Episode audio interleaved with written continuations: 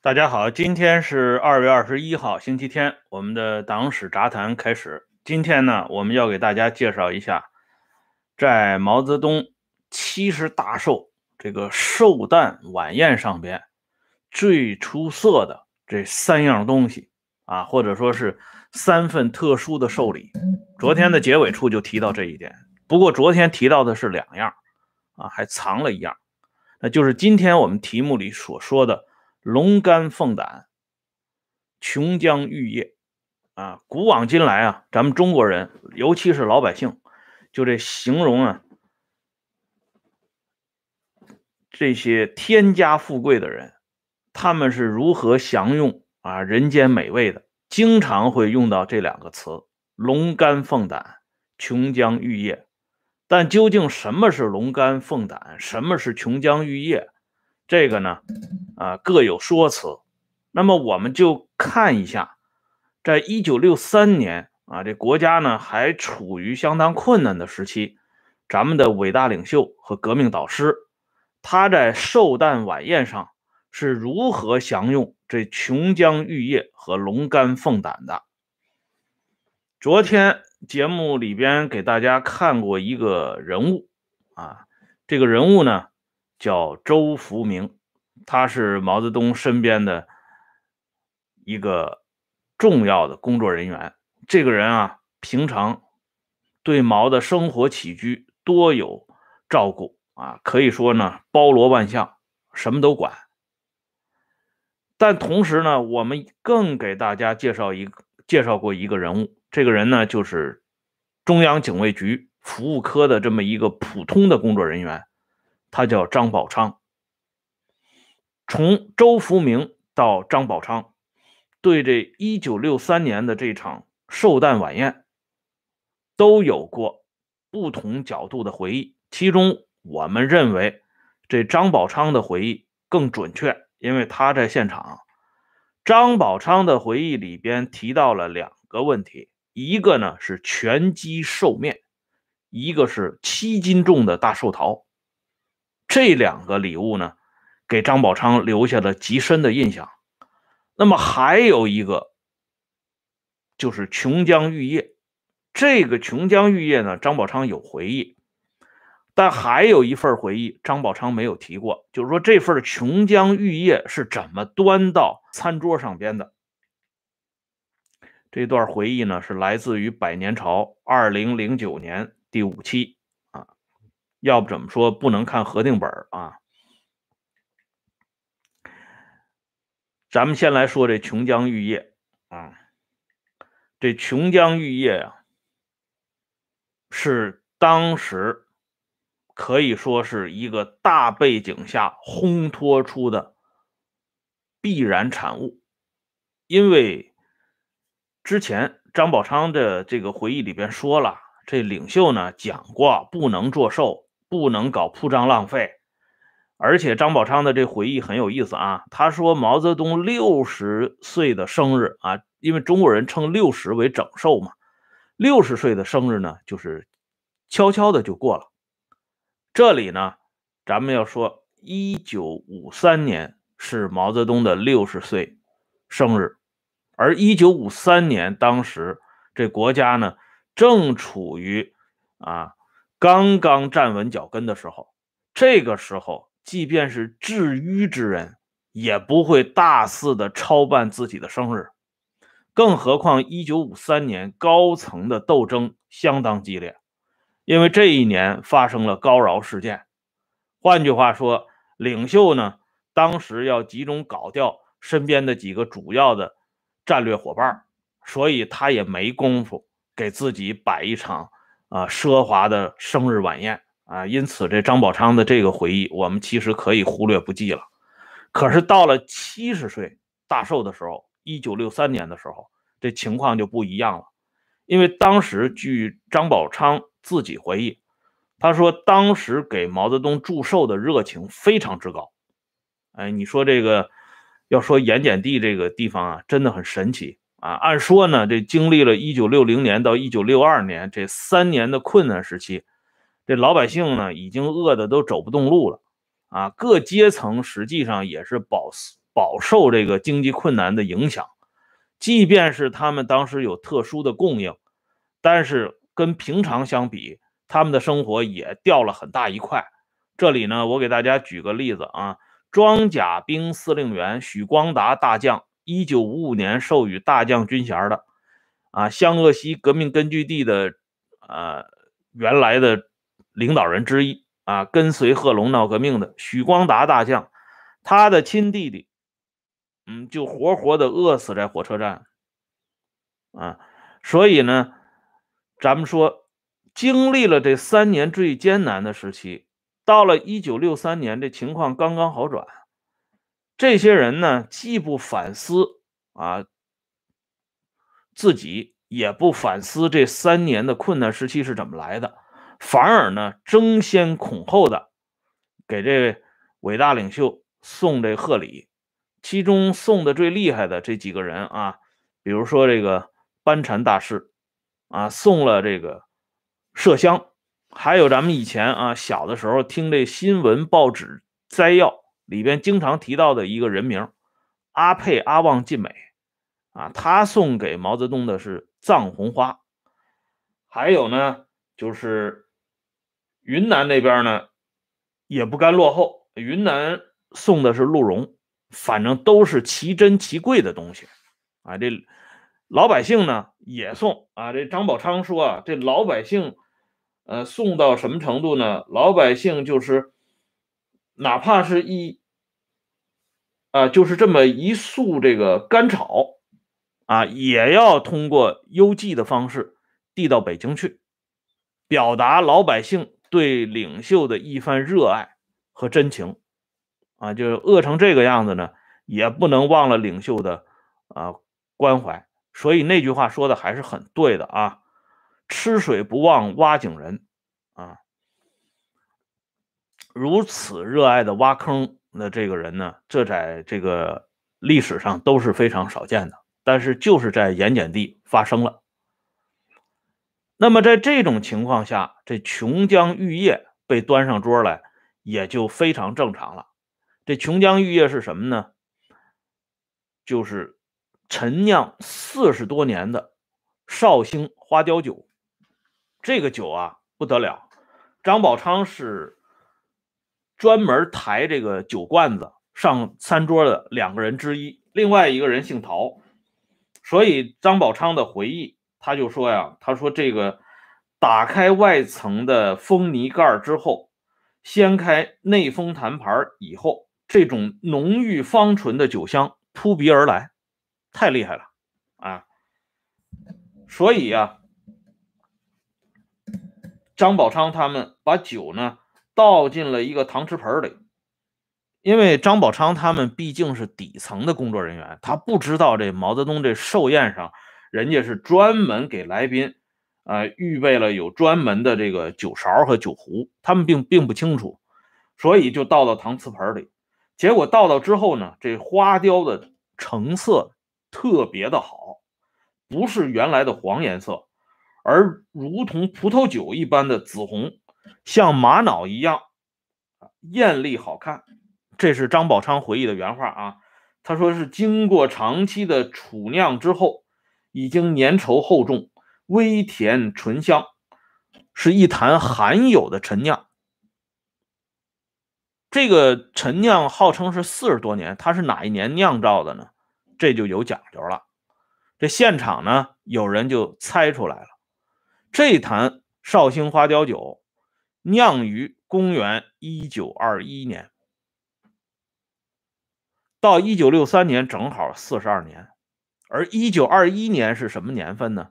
我们都知道，今年是二零二一年，往前追一百年。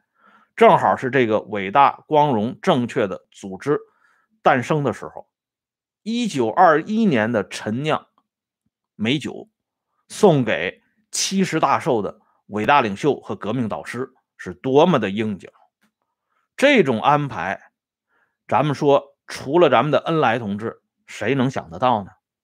所以现场的这些人啊，就说，一九二一年七月。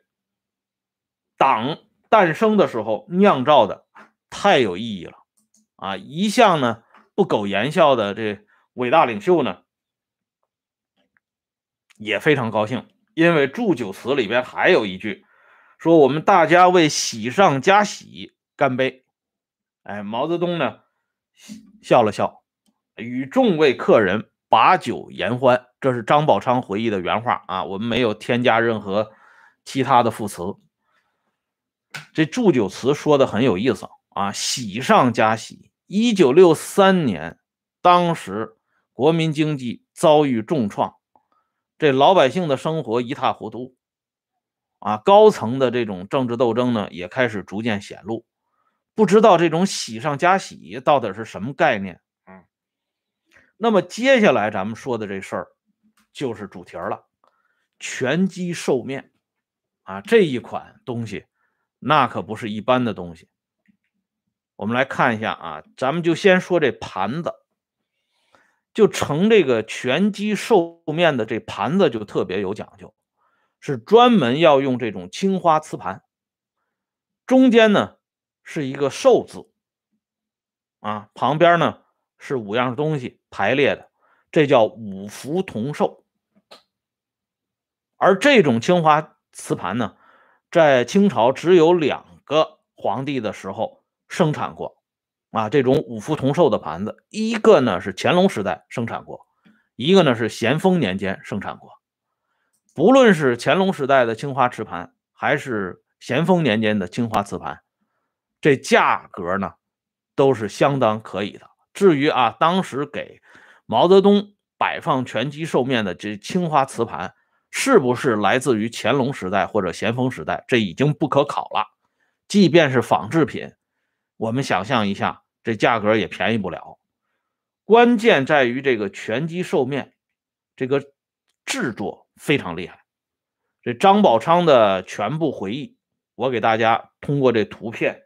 展示了一下，啊，大家可以看到整个的制作过程，那是一只小鸡儿啊，它叫笋鸡，整只操作啊，把该去掉的都去掉，然后要加腌制，要过热油，啊，要将调好的手擀面添到鸡的肚子里，然后排列盆中呢，呈头低尾高。状态不加汤水，加上盖儿之后上屉，水烧开之后旺火蒸三到四十分钟即可。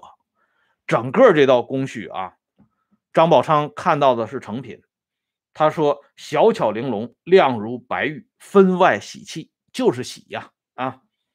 再一个呢，口味它是鸡肉、面粉、调料三物各有七香七味。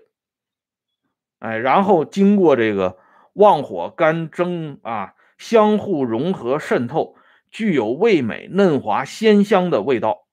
这是一道名副其实的生日佳肴。张宝昌说啊，客人们赏鲜品味的时候，无不感受到主席生日的别致用心啊，不奢侈不铺张，简易而非单调，精致而非奢繁，一切。恰到好处，展示了高雅的饮食文化的内涵。这段解释非常好啊！这个全鸡寿面非常的不铺张，非常的不浪费，完全符合当年领袖关于做寿的标准的指示啊。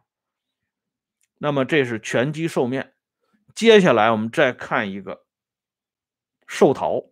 这过生日，尤其这老年人过生日，必须要有这寿桃。这寿桃这次。也有典故，我们看一下这张宝昌回忆的这寿桃。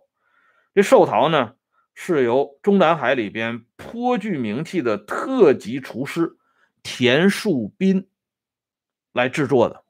啊，首先呢，咱们这里埋个啊伏笔，为什么找这叫田寿斌的人来做寿桃？就这个人的名字本身也有讲究。也是经过千挑万选之后，确定由他来制作这款寿桃的。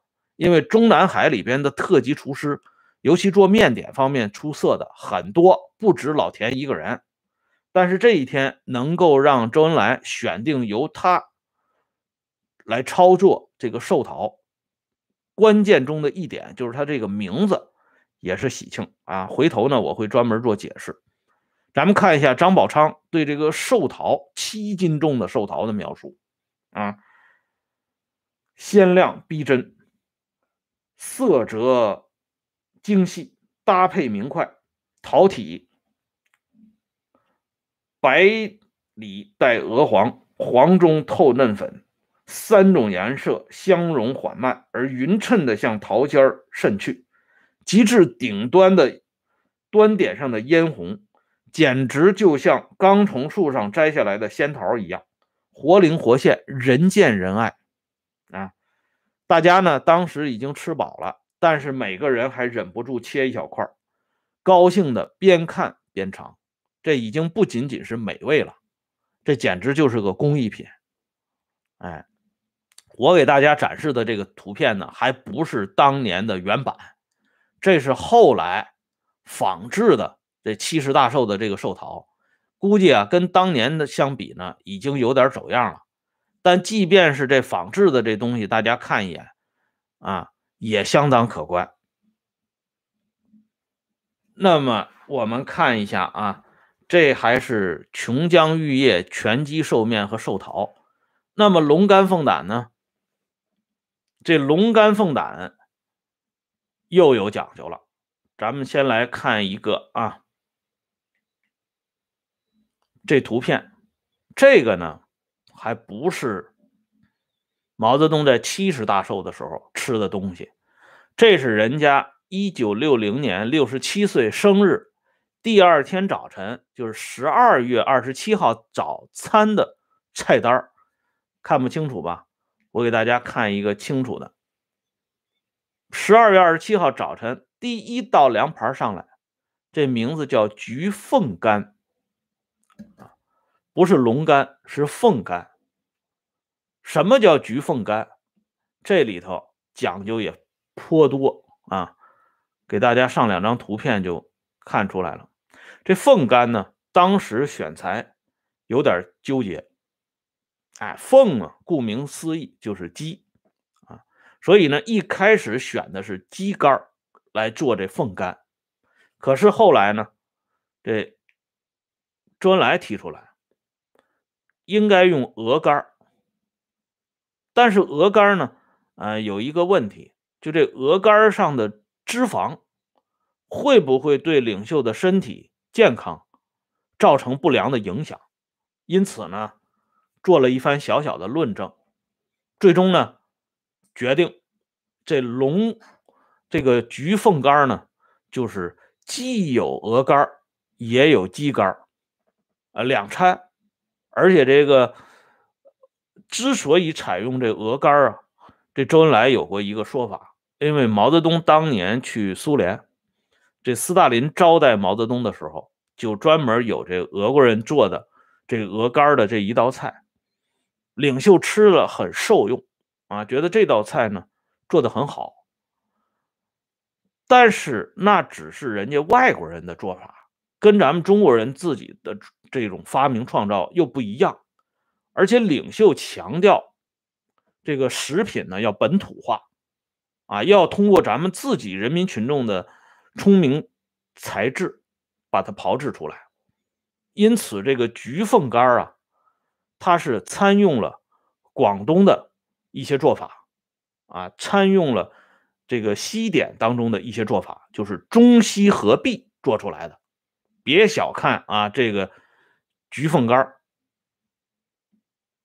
这么一道小小的凉盘，这里边渗透了中国人民的才智感情，也融合了周恩来同志的才智感情。当然，这些才智和感情都是自发的，出自于对伟大领袖和革命导师的深沉的热爱啊！因为没有这个伟大的人物，中国不会这么强大啊，不会屹立在世界民族之林呢，哎，不会在一九六零年和一九六二年这三年当中迎来最坚实的考验和锻炼。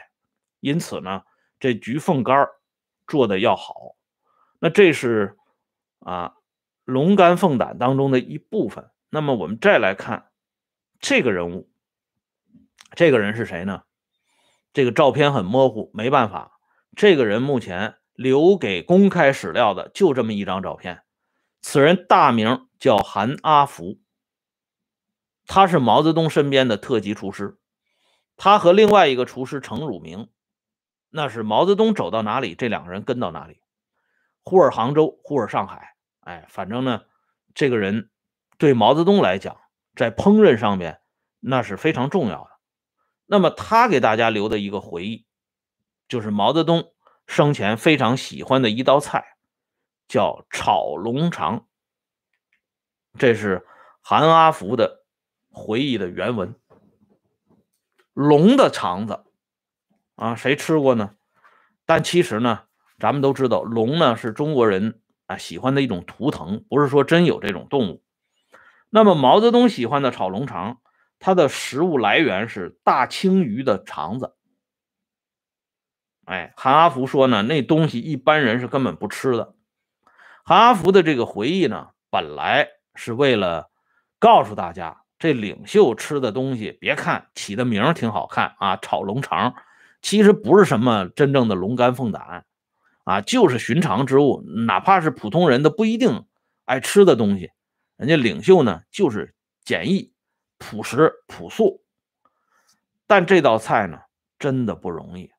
这道菜，我给大家看一个这个图片，这个图片啊，不是当年毛吃的炒龙肠。这是后来这玄宫饭店他们自己留下的这么一个菜谱做的仿制的。据这玄宫饭店里边的老师傅啊亲口说过，炒龙肠这道菜当初啊，除了韩阿福做的非常好以外，上海锦江饭店里边也有一个特级厨师做这道菜特别的拿手。啊，这玄宫饭店的这老师傅说呀。炒龙肠这道菜原材料很普通，大青鱼的肠子嘛，他有的时候也用别的什么鱼的肠子。问题是制作起来非常麻烦啊，这鱼肠子很细呀，啊，你要做到非常好吃，把它看起来鲜艳无比，这是需要好几道程序的。这里边花费的人工啊，这老师傅讲过。他说，最多的时候要十二个人上手帮帮厨，啊，由十二个人共同来烹制这道菜。所以，人家韩阿福这师傅啊说的这句话是对的啊，就说公开史料里边往往是有秘密的，就说那东西一般人是根本不吃的，没错，一般人也根本吃不起，一般人能请十二个人专门给他烹饪这道菜吗？那是不可能的。